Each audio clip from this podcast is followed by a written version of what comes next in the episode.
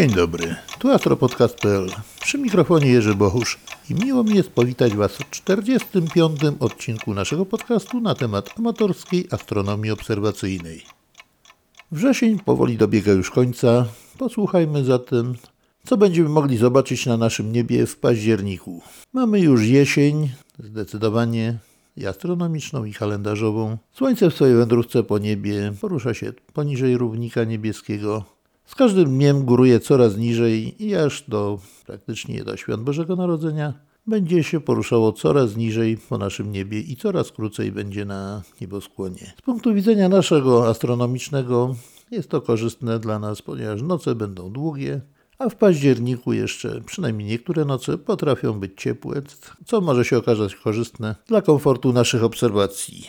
Mimo coraz krótszych dni możemy w dalszym ciągu obserwować Słońce, na którym w zasadzie nic się nie dzieje, nie wykazuje żadnej aktywności plamotwórczej. A jeżeli chcemy obserwować Słońce, to najlepiej robić to w tym momencie, kiedy jest najwyżej na niebie, czyli około południa. Oczywiście przypominam o zabezpieczeniu teleskopu i własnego wzroku przed nadmiarem światła słonecznego przy użyciu filtrów obiektywowych. Bez filtrów nie patrzymy się przez teleskop, ani nawet gołym okiem unikamy patrzenia prosto w słońce. Przypominam też, że 25 października następuje zmiana czasu. O godzinie trzeciej w nocy wszystkie zegary automatyczne przestawią się same, a my jak się obudzimy będziemy musieli przestawić nasze zegary takie, których, które same się nie przestawiają, o godzinę do tyłu. Przechodzimy z czasu letniego na czas zimowy. I chociaż słońce będzie się poruszało po nieboskłonie coraz niżej, za to księżyc każdej nocy będzie się wspinał coraz wyżej na nieboskłon i coraz wyżej na niebie będzie górował. A fazy księżyca będą przebiegać następująco. Październik rozpoczyna się pełnią księżyca, która nastąpi 1 października o 21.05. 3 października o 17.24 księżyc osiągnie apogeum, czyli będzie najdalej oddalony od Ziemi. Ostatnia kwadra, czyli trzecia, następuje 10 października o godzinie 2.40, a 16 października o 19.37 nastąpi nów księżyca. Jednocześnie tego dnia, czyli 16, o 23.49 księżyc przejdzie przez perigeum. Gdy w tym momencie zaszło do zaćmienia Słońca, byłoby ono stosunkowo długie, ponieważ Księżyc blisko Ziemi jest, ma nieco większą widomą średnicę kątową i skutecznie przez dłuższy nieco okres przesłaniałby nam tarczę słoneczną. No, ale to tylko taka dygresja, bo oczywiście zaćmienia nie będzie. Pierwsza kwadra nastąpi 23 października o godzinie 13.23, czym księżyc osiągnie znowu apogeum 30 października o 18.46, a miesiąc zakończy się znowu pełnią księżyca, która nastąpi 31 października. Księżyc stosunkowo szybko wędrując wśród gwiazd w pobliżu ekliptyki, jak zawsze mija w swojej wędrówce poszczególne planety. I tak 3 października o 3.36 minie Marsa, Znowu bardzo blisko, podobnie jak w poprzednim miesiącu, ale tym razem już nieco dalej, bo przejdzie niecałe 0,7 stopnia na północ od Marsa. 4 października o godzinie 9 Księżyc będzie w koniunkcji z Uranem, przejdzie 3 stopnie na północ od planety. 14 października o godzinie 0 Księżyc minie Wenus w odległości 4 stopni na południe od planety. Zaś 17 października o 18.30 Księżyc minie Merkurego 7 stopni na południe od różowej planety. Niestety to zjawisko będzie dla nas nieobserwowalne, ponieważ Merkury będzie w tym momencie w pobliżu koniunkcji dolnej ze Słońcem. Księżyc będzie prawie że w nowiu, będzie to wszystko jeszcze na jasnym niebie się odbywało. Także praktycznie nie uda nam się nic zaobserwować z tych zjawisk, ale musimy wiedzieć, że takie zjawiska będą miały miejsce. 22 października 17.20 Księżyc minie Jowisza 2 stopnie na północ od Króla Planet, a 23 października o 3.45 minie Saturna 3 stopnie na północ od planety. 27 października o godzinie 6.20 Księżyc minie Neptuna 4 stopnie na północy, a 31 na koniec miesiąca znowu o 21.25 Księżyc minie Urana, przejdzie zaledwie 2 stopnie na północ od błękitnej planety. Hitem miesiąca będzie niewątpliwie Mars. 6 października przejdzie najbliżej Ziemi, a 13 października nastąpi opozycja Marsa. Będzie praktycznie w tej samej odległości, nieznacznie zaledwie dalej. Praktycznie już dzisiaj możemy rozpocząć jego obserwacje i do końca miesiąca praktycznie wygląd jego się nie zmieni, ponieważ od momentu opozycji do końca miesiąca jego średnica jego tarczy zmaleje zaledwie o 2,1 sekundy kątowej, czyli praktycznie nieznacznie. Dla niewprawnego obserwatora początkującego będzie to praktycznie niezauważalne. No to można powiedzieć, że Mars w tej chwili króluje na niebie. Bardzo jasny, czerwony, rzuca się w oczy, także trudno jest go przegapić. I w zasadzie w tej chwili Mars po Księżycu i po Wenus jest najjaśniejszym ciałem niebieskim. O tym, jak obserwować Marsa, na co zwracać uwagę, mówiłem w jednej z poprzednich audycji. Także proponuję wrócić do niej, wysłuchać jeszcze raz i przygotować się odpowiednio do wykonania obserwacji. Czym obserwować? Moja odpowiedź będzie jak zawsze taka sama. Tym, czym dysponujemy. Takim instrumentem, jaki posiadamy, takim obserwujemy. Oczywiście im większy teleskop, tym lepiej. Ale to nie tylko od teleskopu zależą nasze obserwacje, a także od pogody. Od tego, czy będzie dobry seeing, czy będzie stabilna atmosfera, czy będzie przejrzysta. Tutaj aż tak ciemność nieba nie gra tak wielkiej roli przy obserwacjach planetarnych, ale tak samo im bardziej ciemne, klarowne niebo, tym lepiej, bo więcej szczegółów, takich bardzo subtelnych, drobnych, będziemy w stanie ujrzeć na powierzchni planety. Także zapraszam do odsłuchania kilku moich ostatnich audycji, w których m.in. omawiałem również metody obserwacji poszczególnych planet, a zwłaszcza sporo mówiłem na temat Marsa. Pozostałe planety oprócz Marsa też będą doskonale widoczne w tym miesiącu. Zarówno Saturn, jak i Jowisz są już po opozycji. Powoli się oddalają już od Ziemi, ale jeszcze mają duże tarcze, wyraźnie widoczne. Zaledwie niecały tydzień miałem możliwość obserwacji przez teleskop zarówno Jowisza, jak i Saturna. Bardzo ładnie wyglądają. Przez 20-centymetrowy teleskop widać wyraźnie pierścienie i przerwę Cassiniego. Chociaż warunki do obserwacji akurat były bardzo kiepskie, bo niebo było takie zamulone, a jednocześnie bardzo zaświetlone. Obserwowaliśmy z tarasu Centrum Astronomicznego imienia Mikołaja Kopernika w Warszawie w ramach pokazów nieba przez PTMA. A że akurat chętnych specjalnie nie było, to sami żeśmy wzięli teleskop i poobserwowaliśmy sobie, co nam wielką radość sprawiło, bo pogoda po raz pierwszy okazała się jako tako możliwa i można było po prostu popatrzeć się na planety przez teleskop. Zresztą nie tylko planety. Oczywiście, oprócz planet możemy także obserwować ich księżyce. Przez najmniejszą lornetkę faktycznie widać doskonale cztery galileuszowe księżyce Jowisza, których położenie zmienia się praktycznie nie tylko z nocy na noc, ale prawie że z godziny na godzinę. Tak samo możemy obserwować jak zawsze przejścia przed tarczą planety, zakrycia za tarczą planety, a czasami nawet poszczególne wzajemne zaćmienia się księżyców. Dysponując większym teleskopem przy dobrych warunkach, możemy zaobserwować również cienie, jakie poszczególne Poszczególne księżyce rzucają na powierzchnię planety, przechodząc przed nią. Oczywiście, im większy teleskop, tym lepiej będzie widać, ale nawet przez niewielkie teleskopy w dobrych warunkach widać czarną kropkę przesuwającą się po powierzchni Jowisza. Czasami nawet dwie, zależnie od położenia księżyców na ich orbitach. Oczywiście Saturn, wiadomo, pierścienie. Im większym teleskopem dysponujemy, tym więcej detali zobaczymy zarówno na samej planecie, jak i na pierścieniach. Przerwę Cassiniego widać stosunkowo łatwo. Jeżeli nam się uda, możemy zaobserwować przerwę Enkego. Oczywiście bez trudu zauważymy Tytana, największego księżyca Saturna, a jeżeli dysponujemy odpowiednio dużym teleskopem, możemy zaobserwować także kilka mniejszych. Oczywiście im większy teleskop, tym więcej księżyców będziemy w stanie zaobserwować. Październiku bardzo dobrze widoczne też będą zarówno Uran, jak i Neptun. Na koniec miesiąca 31 października Uran będzie w opozycji, czyli będzie najbliżej Ziemi, ale będzie to malutka tarczka, zaledwie 3,7 sekundy kątowej. Być może uda się go wypatrzyć gołym okiem, chociaż może to być dosyć trudne, zwłaszcza na nieco przymulonym niebie. Może po prostu utonąć w blasku świateł miejskich i w takiej rozmazanej atmosferze. Ale jeżeli będziecie gdzieś poza miastem, pod ciemnym niebem, przy dobrej pogodzie, klarownym niebie, spróbujcie odszukać go gołym okiem, jako taką lekko niebieskawą gwiazdę, ledwie, ledwie widoczną gołym okiem. Jeżeli dysponujecie dużymi teleskopami, no,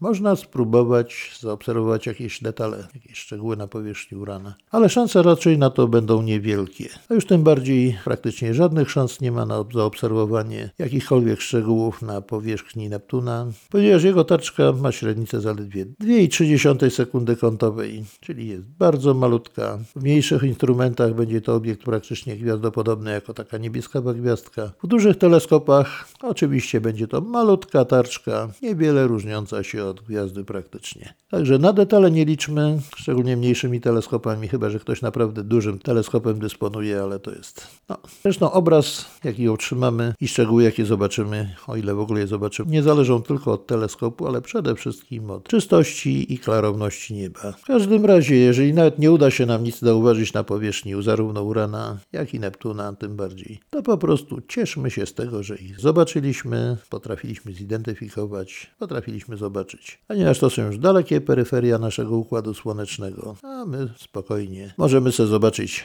co tam jest, a nawet wyjrzeć kawałek poza te peryferia. O ile Mars będzie coraz wcześniej i coraz wyżej, praktycznie o północy będzie górował, jako bardzo jasna, pomarańczowo-czerwona gwiazda, to nad ranem możemy sobie popatrzeć na wschód Wenus. Wenus jest już coraz mniejsza, jej tarcza coraz bardziej się wypełnia, już jest, że powiedzmy sobie po elongacji, więc po kwadrze. Jest taka pośrednia między kwadrą a pełną tarczą. Powoli można powiedzieć, że zbliża się do pełni i będzie jednocześnie chowała się za słońcem.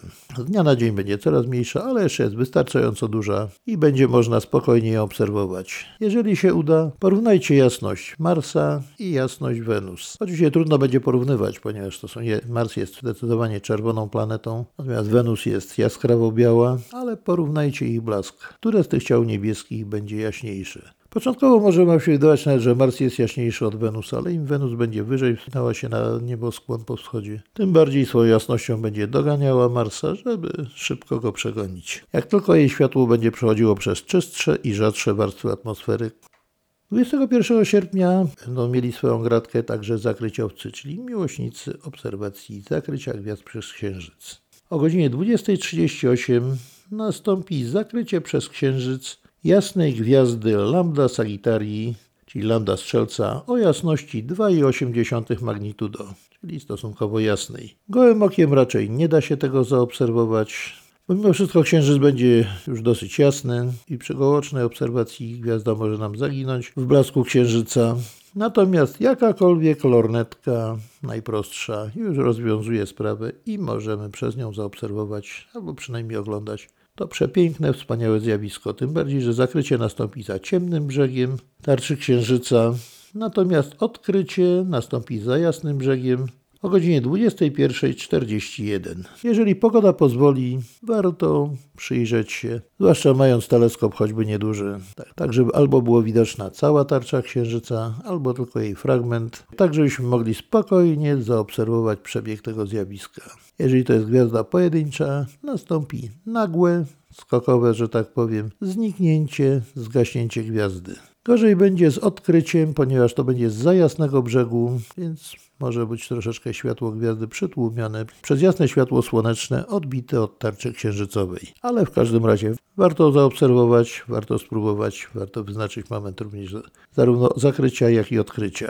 Jeżeli ktoś dysponuje służbą czasu, oczywiście może wykonać pełną obserwację z rejestracją momentu zakrycia i odkrycia i wysłać do odpowiednich obserwatoriów, które zbierają tego typu dane i potem na ich podstawie opracowują, cały czas korygują teorię ruchu Księżyca, cały czas poprawiają. A poprawki właśnie się robi głównie w oparciu o dane obserwacyjne. W październiku na naszym niebie raczej nie pojawią się jakieś jasne spektakularne komety, ani nawet na tyle jasne, żeby łatwo je było zobaczyć w lornetkach. No, chyba, że nagle niespodziewanie jeszcze gdzieś coś się tam odkryje jasnego, bo i takie rzeczy znane są w astronomii i wtedy będziemy mogli ewentualnie sobie obserwować albo podziwiać taką kometę. Oczywiście, jeżeli takie coś nastąpi, odkrycie, natychmiast Was poinformuję, bo chociażby w specjalnym wydaniu naszego astropodcastu. Ale na razie nie spodziewajmy się, nie będzie to raczej miesiąc kometarny i obserwacji komet raczej nie przeprowadzimy. Będą za to widoczne trzy roje meteorów związane właśnie z kometami. Od 6 do 10 października możemy obserwować drakonidy. Rój meteorów związanych z okresową kometą 21P Giacobini-Zinner. Jego maksimum przypada 8 października. Najlepiej obserwować nad ranem, ponieważ to maksimum będzie w ciągu dnia. A także jeżeli się uda, to po południu, pod wieczór, jak tylko niebo zacznie się ściemniać. Przewidywana ilość meteorów to jest mniej więcej 10 w ciągu godziny.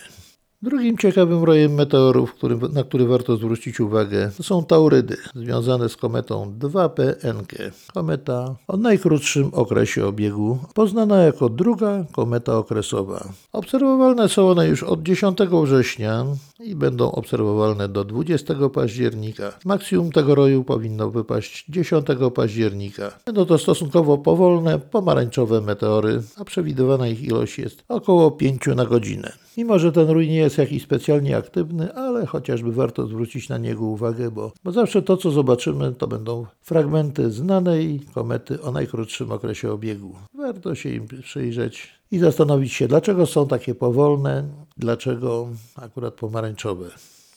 Od 2 października do 7 listopada widoczny jest trzeci rój, Orionidy, związany z kometą 1P Halley, czyli słynną kometą Haleya. Ich maksimum przewidywane jest na 21 październik, a jest to dosyć intensywny rój, liczący co najmniej 20 meteorów na godzinę.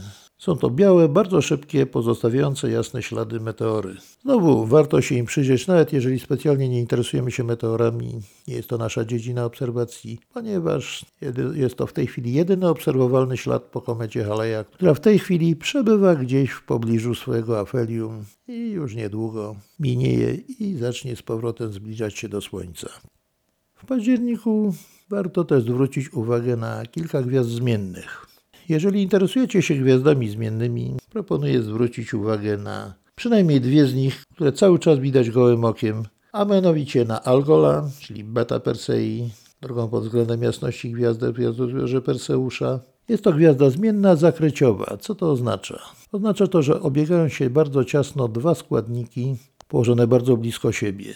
Ich okres obiegu wynosi 2,8673 dziesięciotysięczne doby a ich jasność zmienia się w zakresie od 2,1 do 3,4 magnitudo. Przy gwiazdach zmiennych zaćmieniowych patrzymy na minimum. Wyznaczamy moment minimum jasności, ponieważ następują wtedy, kiedy jeden składnik przesłania drugi. Najczęściej największe, najgłębsze minimum występuje wtedy, kiedy ciemniejszy składnik przesłania składnik jaśniejszy. Wtedy następuje spadek jasności, ponieważ zostaje odcięte światło jasnego składnika i obserwujemy tylko światło składnika słabszego. I tak w październiku minima jasności Algola nastąpią 4 października o godzinie 9.51, 7 października o godzinie 0.40, 9 o godzinie 21.29, 24 o godzinie 5.33, 27 o godzinie 1.02 i 29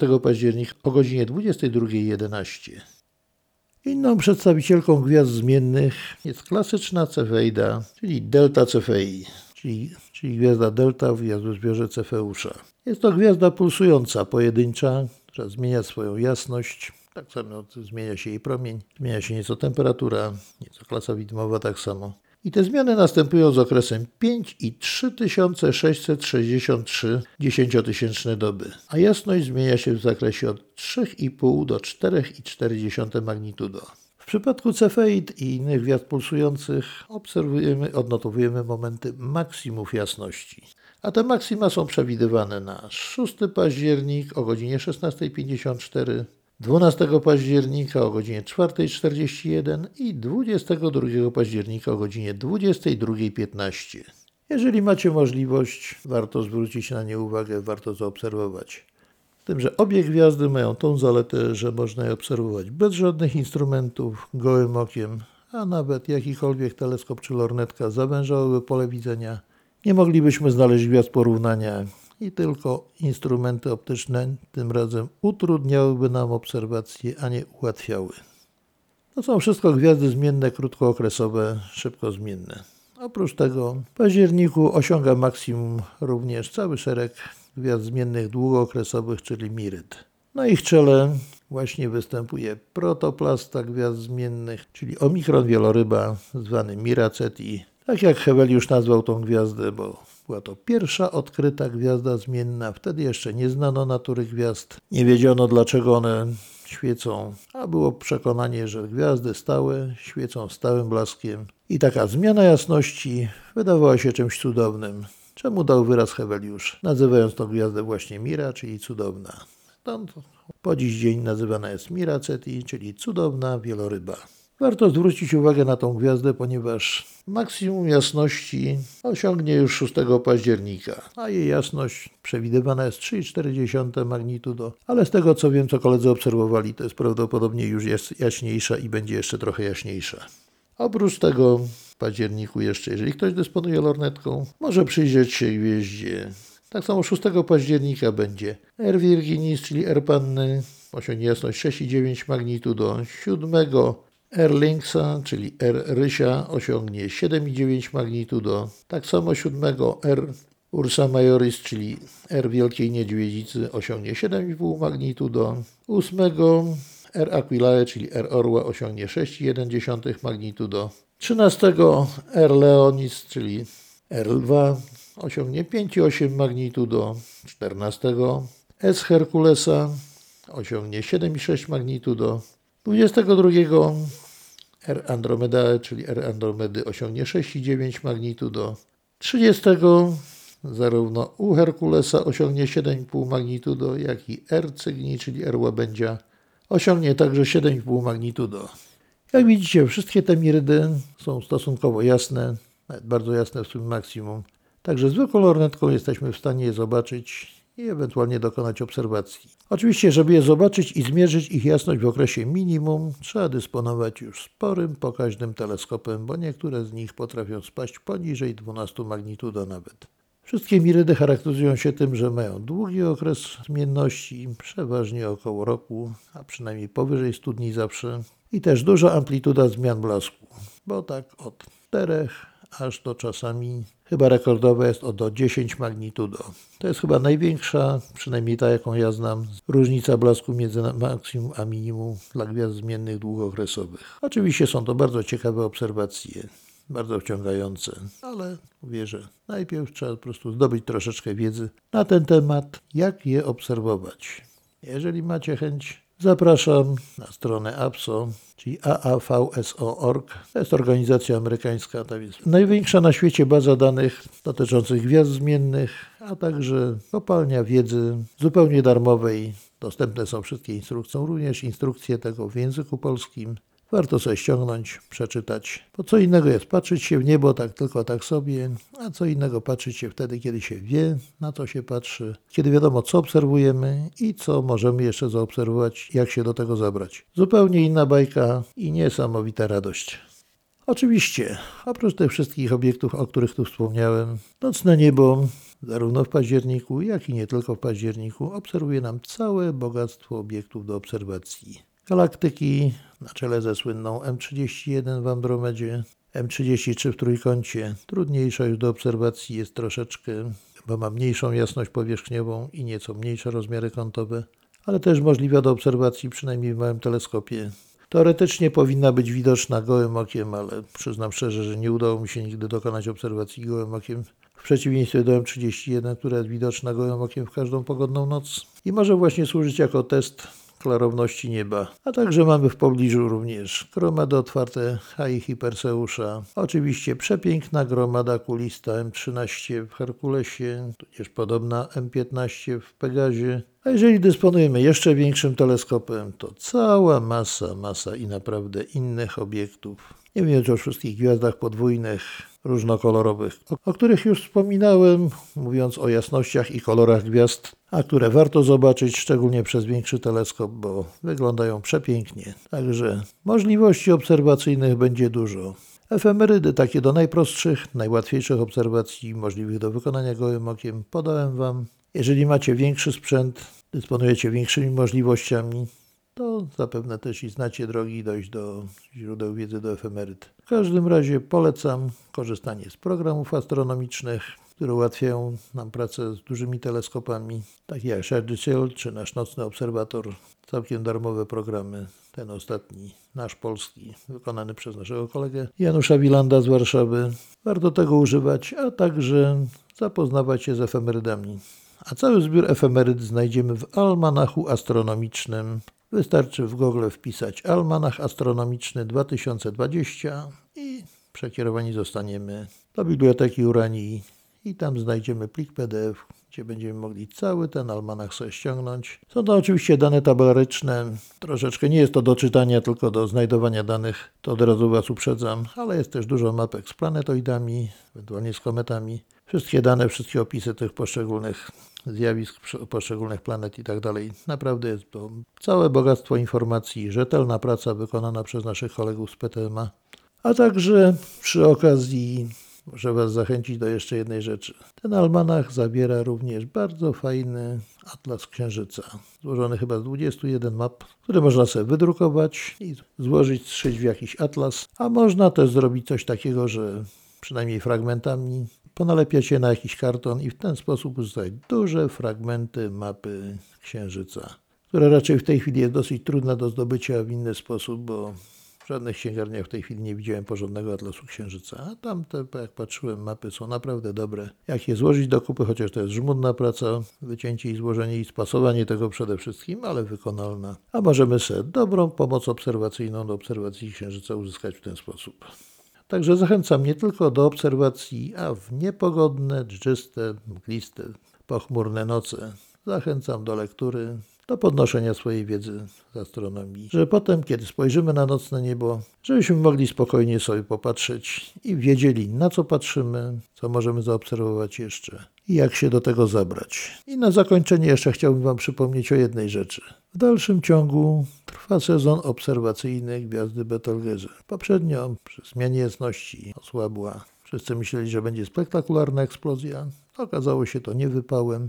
Tym niemniej procesy jakieś tam trwają i w każdej chwili może się okazać, że jednak gwiazda wybuchła. W tej chwili zainteresowanie Betelgeuse wyraźnie zmalało. Jak to zawsze się dzieje z różnymi obiektami, potem jeżeli coś się dzieje, coś, czegoś się spodziewamy, a się mimo wszystko nie wydarzyło, co się wyjaśniło, że to jest nie tak, jak się spodziewali. Tym niemniej warto być czujnym, warto spoglądać na niebo. A przy okazji jest to równie dobry jak każdy inny powód, żeby spojrzeć jeszcze raz na piękne, gwiaździste niebo.